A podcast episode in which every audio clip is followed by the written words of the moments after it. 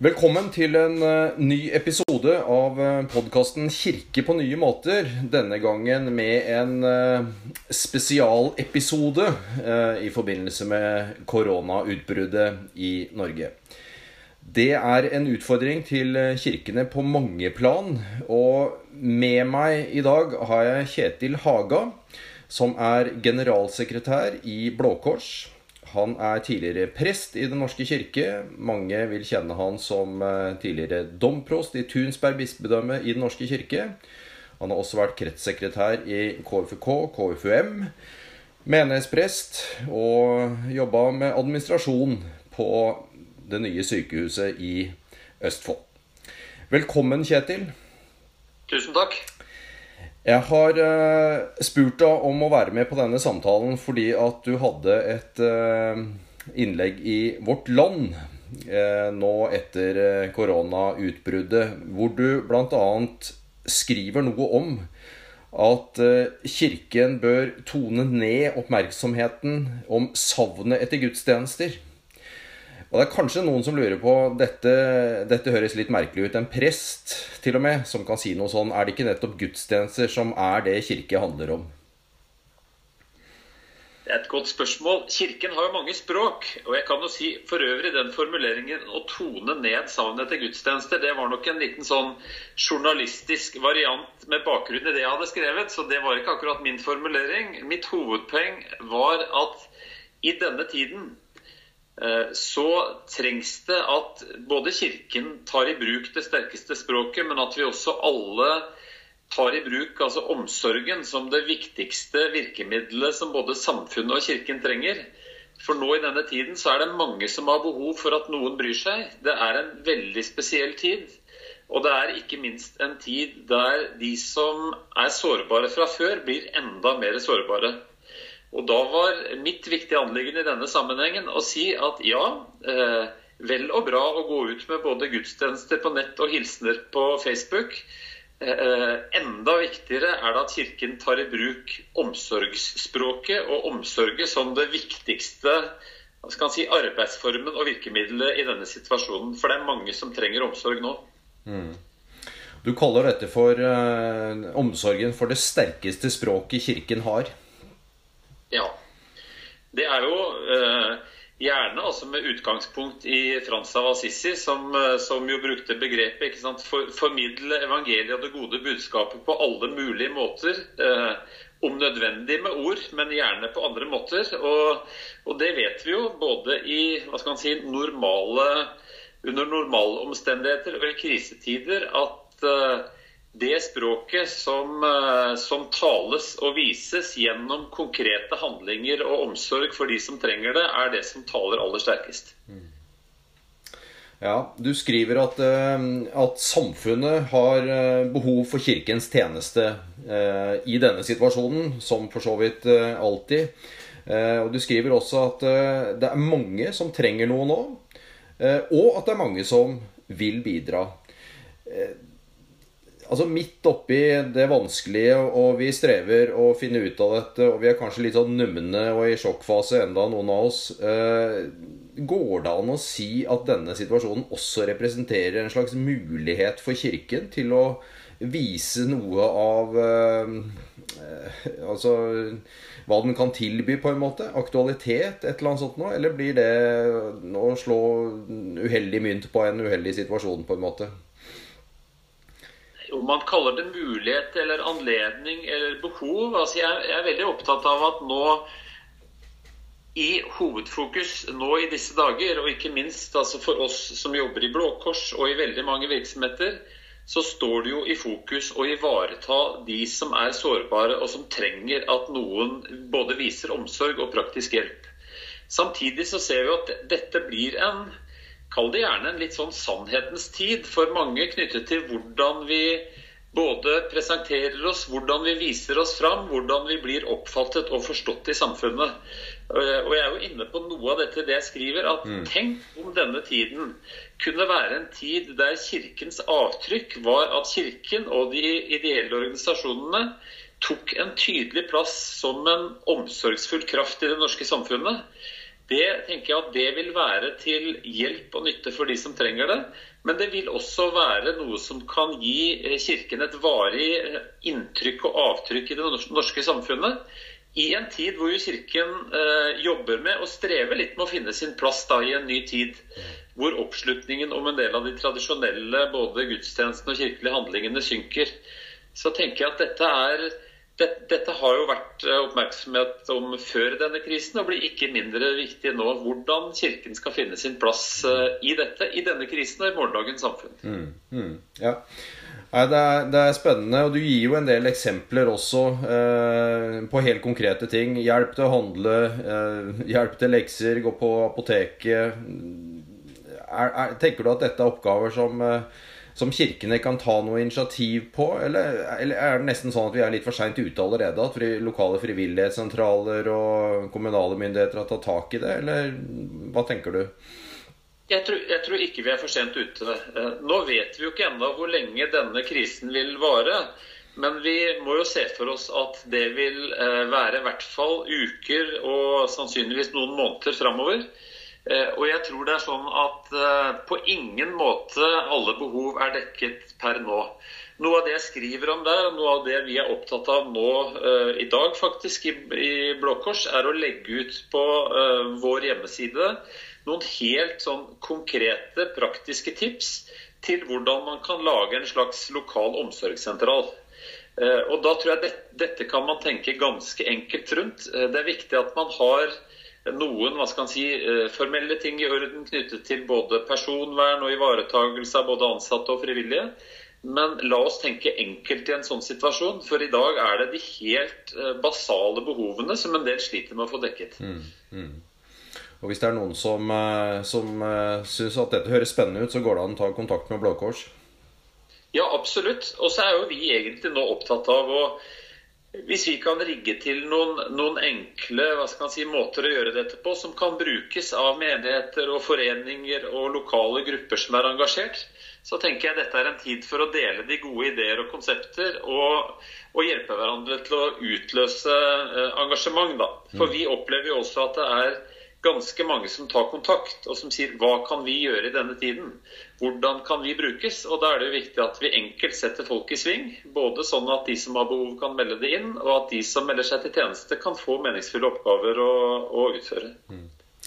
Og tror vel ikke jeg akkurat at, eh, at, prester og diakoner og andre kirkelige ansatte blir, blir, uten arbeidsoppgaver med det første. Men samtidig så er det noe med at mye av det faste utgår, ikke sant. Og mye også begravelser blir eh, gjennomført betydelig enklere osv. Eh, kanskje er dette også noe som det går an å tenke kirkelig ansatte jeg på å si nesten sånn omplassert i, eller eh, endring av type arbeidsoppgaver for en periode. Er det mulig, tror du? Det tror jeg absolutt er mulig. Og det handler jo nå om å bruke den restkapasiteten, da, restarbeidsevnen, som finnes hos ansatte. Den tror jeg nå finnes mange steder. Vi jobber med det nå i vår organisasjon for å se på hvem er det nå som har ekstra tid og kapasitet fordi alminnelige oppgaver utgår. Og hvordan kan vi omdisponere den til andre oppgaver. Og Det tror jeg det kan gjøres definitivt i mange menigheter rundt omkring. Og Der blir det jo viktig å selvfølgelig får jeg si da i den sammenheng, holde ryddighet på dialog med tillitsvalgte og følge arbeidslivets spilleregler. Og samtidig se etter de mulighetene som åpner seg der. Mm. Vi ser jo helt konkret på det at vi, vi ønsker jo å vente med permitteringer eh, så lenge som mulig. Men da må vi samtidig, for å kunne forsvare å ha alle i full jobb, kunne ha meningsfulle oppgaver å sette de til. Mm. Og Der har vi god dialog med våre tillitsvalgte på hvordan det kan eh, gjøres på en fleksibel måte fra, fra, begge parter. Og hvordan vi sånn sett kan holde folk i arbeid, men med kanskje litt andre oppgaver enn de gjør til vanlig. Mm. Mm. Dette er jo spennende. og altså, Tittelen på denne podkasten er jo 'Kirke på nye måter'. Og det er jo sånn tema som, eh, som både Metodistkirken, som jeg tilhører, og andre har vært opptatt av i, i noen år. Eh, og vi har jo også vært i, i dialog med bl.a. Blå Kors eh, tidligere, med Blå Kors som en sånn eh, drivkraft i et prosjekt som heter Diakonalt entreprenørskap. Og så nettopp, altså Fra sånn kirkelig perspektiv, og sikkert også fra Blå Kors-perspektiv, handler om liksom altså Hvordan tenker vi kirkelig uttrykk i dag, og, og kirkelig nærvær i samfunnet? Hvordan responderer vi på behov, osv.? Jeg kom bare til å tenke på Nå skal ikke jeg belære deg om Metodistkirkens historie, men jeg bare kom til å tenke på noen, noen ting i forhold til det. For Metodismen eh, har på en måte røtter tilbake til England 1720-tallet. Eh, på universitetet i Oxford, hvor det var en gruppe som samla seg sammen der. Som eh, var opptatt av hvordan de levde som kristne og troende mennesker i hverdagen. Og de gjorde det ved å gi konkret respons på behov som var i samfunnet. Enten det handla om å besøke fanger i fengselet, eller det handla om å gi undervisning til fattige barn, eller hva det måtte være. Og det som er litt interessant, det er at dette var på 1720-tallet. I 1784 først så ble Metodistkirken stifta som en kirke. Det betyr at vi hadde eksistert i nesten 60 år før det som en bevegelse som var opptatt av å møte behov i samfunnet. Og jeg tenker det har på en måte ført til en litt sånn eh, eller egentlig ganske stor grad av pragmatisme i Metodistkirken. At vi er ikke så veldig opptatt av liksom kirke sånn eller sånn. Vi er opptatt av å både lytte etter de behova som finnes i samfunnet, og lytte til hva Gud kaller oss til å gjøre i møte med de behovene. Og ut ifra det forme Kirken. Og det er liksom ikke gitt en gang for alle hva det vil si å være kirke. Så, så, sånn sett så tenker jeg her er det noen overlappinger. Og, og jeg tenker at Blå Kors har liksom også historisk sett stått for mye av det samme. Uh, er du enig i en sånn uh, altså, analyse eller tanke om, liksom, om, det å være kirke? At det er noe kanskje litt mer pragmatisk enn det vi ofte tenker at det er? Ja, og jeg tror at uh, denne tiden aktualiserer det. Og også eh, Nå hører jeg meg selv veldig i ekko her, men det er ikke sikkert at det kommer med på opptaket.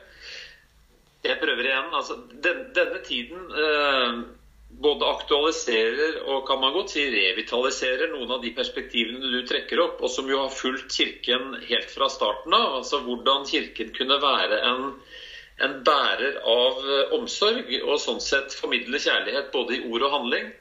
Og jeg tror jo at i denne tiden, eh, og vi ser jo også forut for denne krisen, at f.eks. da lokalt, det, eh, det kommunen er opptatt av i samhandling med kirkene, og det som for så vidt også eh, flere kirkesamfunn, Norske kirke inkludert, har definert som satsingsområde, er jo nettopp diakonien. Fordi man mm. ser at behovene er der. Og at det er en del av både den kirkelige egenarten og identiteten. Og, og utøve da, praktisk omsorg og kjærlighet i, i nærmiljøet. Mm. Så det tror jeg er vi kan vel også si det sånn at, som jeg skriver så vidt i den, eh, det korte innlegget mitt Jeg opplever også at altså, diakonien og omsorgsarbeidet har jo en veldig sånn samlende kraft. Mm. Og i en tid hvor det i flere kirkesamfunn er eh, diskusjoner om det være seg teologiske spørsmål, organisatoriske spørsmål, i Den norske kirke da, diskusjoner om valgordninger og organisering og økonomi, så er det klart, Da har diakonien en samlende kraft da, som gir både eh, identifikasjon, motivasjon og mening, og som jeg tenker at er eh, kanskje den viktigste, og det viktigste kjerneområdet da, for utviklingen av en både levekraftig og tydelig kirke i morgendagens samfunn. Mm. Så jeg tror det er, det er veldig mange dimensjoner her som eh, som gir stor grunn til å løfte altså diakonien og omsorgsperspektivet inn. Ikke bare i lys av den nåværende krisen, men i lys av hva det vil si å være kirke i vår tid og i eh, morgendagens samfunn. Mm, mm. Og Du må nesten si litt mer om, eh, om, dette med diakonalt entreprenørskap, som vi så vidt var inne på, eh, og som var en prosess som ble satt i gang for, eh, altså lenge før denne situasjonen oppsto.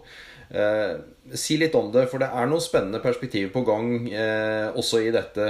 Både spennende perspektiver og spennende samarbeidsrelasjoner, egentlig. Absolutt. Og dette, dette ble jo initiert for eh, ja, det, Startskuddet var vel for et par år siden, hvor man begynte å snakke om hvordan hvordan vi som eh, kirker, altså i flertall, og organisasjoner i Norge sammen kunne jobbe om å videreutvikle nye former for diakoni og omsorgsarbeid. da. knyttet til virksomhetene i som sagt eh, kirkesamfunnene og organisasjonene. Som jo da har eh, blitt gjennomført på den måten at det har vært foreløpig én eh, konferanse som var i Drammen, og nå planlegges det flere. Rett og slett med utgangspunkt i å komme sammen og tenke rundt hvordan, hvordan kan vi utvikle nye former for diakonalt arbeid i dagens og morgendagens samfunn. Der ser vi jo, for å trekke det eksempelet, altså Norges KFK KFUM har jo utviklet det de kaller forandringshusene, som det er etablert eh, mange steder. Og flere av organisasjonene og, og som sagt av kirkesamfunnene har jo dette nå eh, på dagsorden som et av de viktigste satsingsområdene. Mm. Og da tror jeg den, den måten å tenke nå rundt Eh, samhandling på tvers. da, altså Raushet knyttet til dele de gode ideene, utfordre hverandre, utvikle ting sammen. Det, det, er en viktig del av et sånt arbeid. Hvor også da dialogen med de lokale kommunene står sentralt. da. Mm. Der, der, blir jo det et viktig perspektiv. Det ser vi på mange områder nå framover. At hvis vi skal både oppfattes som, eh, som, relevante og utfylle en rolle i lokalsamfunnene, så blir jo dialogen med kommunene og spørsmålet rett og slett hva har kommunen og lokalsamfunnet behov for at vi går inn i? Mm. Det er et veldig viktig spørsmål. Sånn at ikke vi sitter og utvikler konsepter som vi, som vi syns kan være utmerket, men som egentlig ikke lokalsamfunnet har bruk for. Altså Den, mm. den dialogen er også viktig, en viktig del av det arbeidet. Mm. mm. Ja. På, på, en måte så tenker jeg at, eh, at uh, Altså, vi, vi, har mye fokus på liksom uh, kanskje litt sånn spenstige arrangementer, trekke folk til kirken, ikke sant. Og jo mer kreative vi er, osv., jo bedre er det. Og eh, vi har jo snakka litt grann før om dette med sånn en sånn type rapportering på liksom resultater av mengde folk og alt mulig sånt noe. Her er det på en måte litt sånn det å bidra til eh, trygghet, håp, mening, kanskje økt livskvalitet, redusert angst Altså, Vi er tilbake på det som i nesten 2000 år har vært kjerneoppgaven til Kirken, egentlig. Ja, absolutt. Og, og vi bruker jo i stor grad altså knyttet til vår nå utvikling av både frivillighetsarbeid og lokalt arbeid, så bruker vi altså det å det å bidra til å utvikle hverdagslivskompetanse. Mm. For vi ser jo at mange mennesker, eh, og, og, særlig en del av de sårbare gruppene vi jobber med, da, som, som, kan være knyttet til utfordringer i forhold til sosial inkludering, eh, psykisk helse og rus, så ser vi at for mange så er det de helt sånn det er de basale hverdagslivsfunksjonene som, som det av og til eh, da kommer begrensninger på, og hvor de trenger konkret hjelp til at noen kan være med de og få handlet inn, holde eh, nær sagt huset og hjemmet i orden, eh, betale regninger. Altså ut, utføre og få hva skal si, hverdagslivet til å fungere. Og vi opplever jo også at, eh, at når vi presenterer det når vi rekrutterer frivillige og sier at vi trenger ikke de som er eksperter på eh, på hva skal man si, alle områder, det være seg psykisk helse eller eh, alminnelig helse eller uh, rus. Men vi trenger de som kan være en medvandrer i det daglige livet. Som kan hjelpe folk inn i uh, ordinære sosiale og fritidsaktiviteter der de bor, og som kan få hverdagslivet til å gå. Og Da opplever vi jo at mange frivillige tenker at å ja, da kan jeg jo bidra med det jeg, det jeg kan og det jeg uh, hva skal jeg si, utøver i, mitt, i min alminnelige hverdag. Mm. Så det er noe med å, eh, å lage enkle og tydelige ordninger for hvordan vi kan gi frivillige oppgaver hvor de kan bruke den kompetansen de har fra før. Mm. Og så er denne, denne situasjonen altså, Nå snakker vi generelt også etter denne krisen, men samtidig så er denne krisen også mm, litt uavhengig av eller hva slags ord vi skal bruke om det. Men jeg tenker at det er, det er interessant å utforske hva det vil si å være kirke når man ikke har en kirke. Eh, og det er interessant å, å, på en måte utforske hva betyr det å være en etterfølger av, eh, av Jesus i, i, en situasjon som det vi opplever nå. Det tenker jeg er en utfordring til oss alle. og det, det er noen spennende perspektiver i det som, eh, som det er, rett og slett er, eh, skal bli interessant å se. Og det skal bli interessant å se om noen uker, måneder, og, og hvordan vurderer vi dette i ettertid. Hvordan vi klarte oss eh, som kirke, på en måte. Ja, og som jeg var inne på altså, tidligere i samtalen, så er jo jeg opptatt av der å hva skal man si, målbære det vi ser da knyttet til den sårbarheten vi nå ser at øker. For det er klart for de som har eh, velfungerende hjem, eh, velfylte kjøleskap, eh, ordnet økonomi og et sosialt nettverk, så kan de håndtere en sånn situasjon forholdsvis godt. Mm. Men for de barna som nå må være hjemme stort sett hele dagen og har et hjem der det ikke er trygt å være, som ikke får noe oppfølging i forhold til skolearbeid, der det kan være utfordringer knyttet til rus, og der hjemmet er et vondt sted å være, så er det klart da blir sårbarheten eh, brutalt vanskelig i en sånn situasjon. Vi ser jo også de som nå har eh, kommet seg ut av en periode, kanskje med enten rusmisbruk eller andre utfordringer, og fått stablet et hverdagsliv på beina med sine rutiner og sine hva skal si, daglige oppgaver, som er en viktig del av det. Hvor dette nå utfordres ved at alle rutinene eh, legges om. De kan ikke lenger gå ut, kan ikke gjøre de vanlige oppgavene. Mm. Så ser vi òg, for så vidt helt ned til de som trenger et daglig sted å gå for å få mat eller overnatting på noen av våre bosentre, så ser vi at hvis, hvis vi ikke klarer å opprettholde disse funksjonene nå, så vil det ramme eh, på brutalt vis de aller mest sårbare. Og nå har det jo vært jobbet både fra politisk hold og for, fra mange organisasjoner for at forskjellene i Norge ikke skal eh, øke. og Der har det vært lagt ned mye godt arbeid gjennom mange år. Og Vi ser jo nå at risikoen for at, at dette kan få et alvorlig tilbakeslag da, ved at forskjellene igjen blir veldig tydelige, og at eh, langtidsvirkningen av dette ved at noen som har nær sagt kommet seg eh, godt på bena etter å ha levd i utenforskap, at de havner i situasjoner som igjen vil ta lang tid å få reparert etterpå. Mm. Det er jo det vi nå har veldig fokus på, hvordan vi kan hvordan vi kan bidra til å hjelpe alle de som lever med ulike former for sårbarhet gjennom denne krisen, sånn at livet kan gå videre på best mulig måte etterpå. Mm. Mm. Dette er spennende. Vi kunne sikkert snakka mye om det. Kanskje vi skal avtale å møtes om noen måneder og vurdere litt i ettertid hvordan dette har vært. Ehm, jeg har, eh, jeg har utfordra deg. Nå er det jo litt sånn at folk, eh, en del i hvert fall, kanskje har litt bedre tid, trenger å fylle livet med litt annet innhold osv.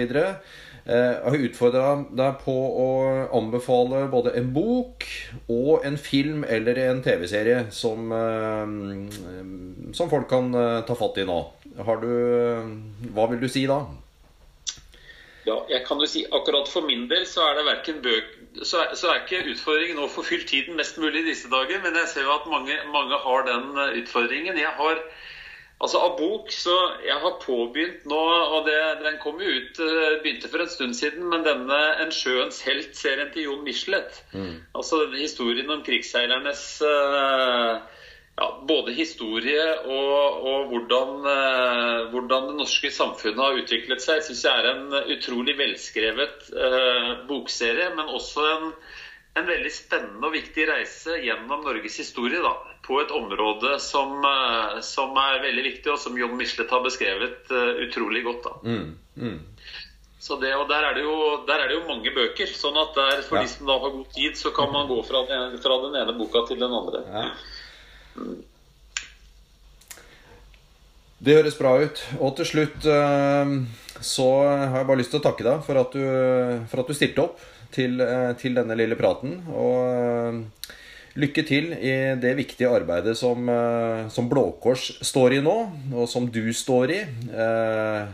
Og så får vi si som vi har sagt til hverandre nå de siste dagene, at vi får ta vare på hverandre, alle sammen. Keep fighting. Takk skal du ha, Kjetil. Takk skal du ha.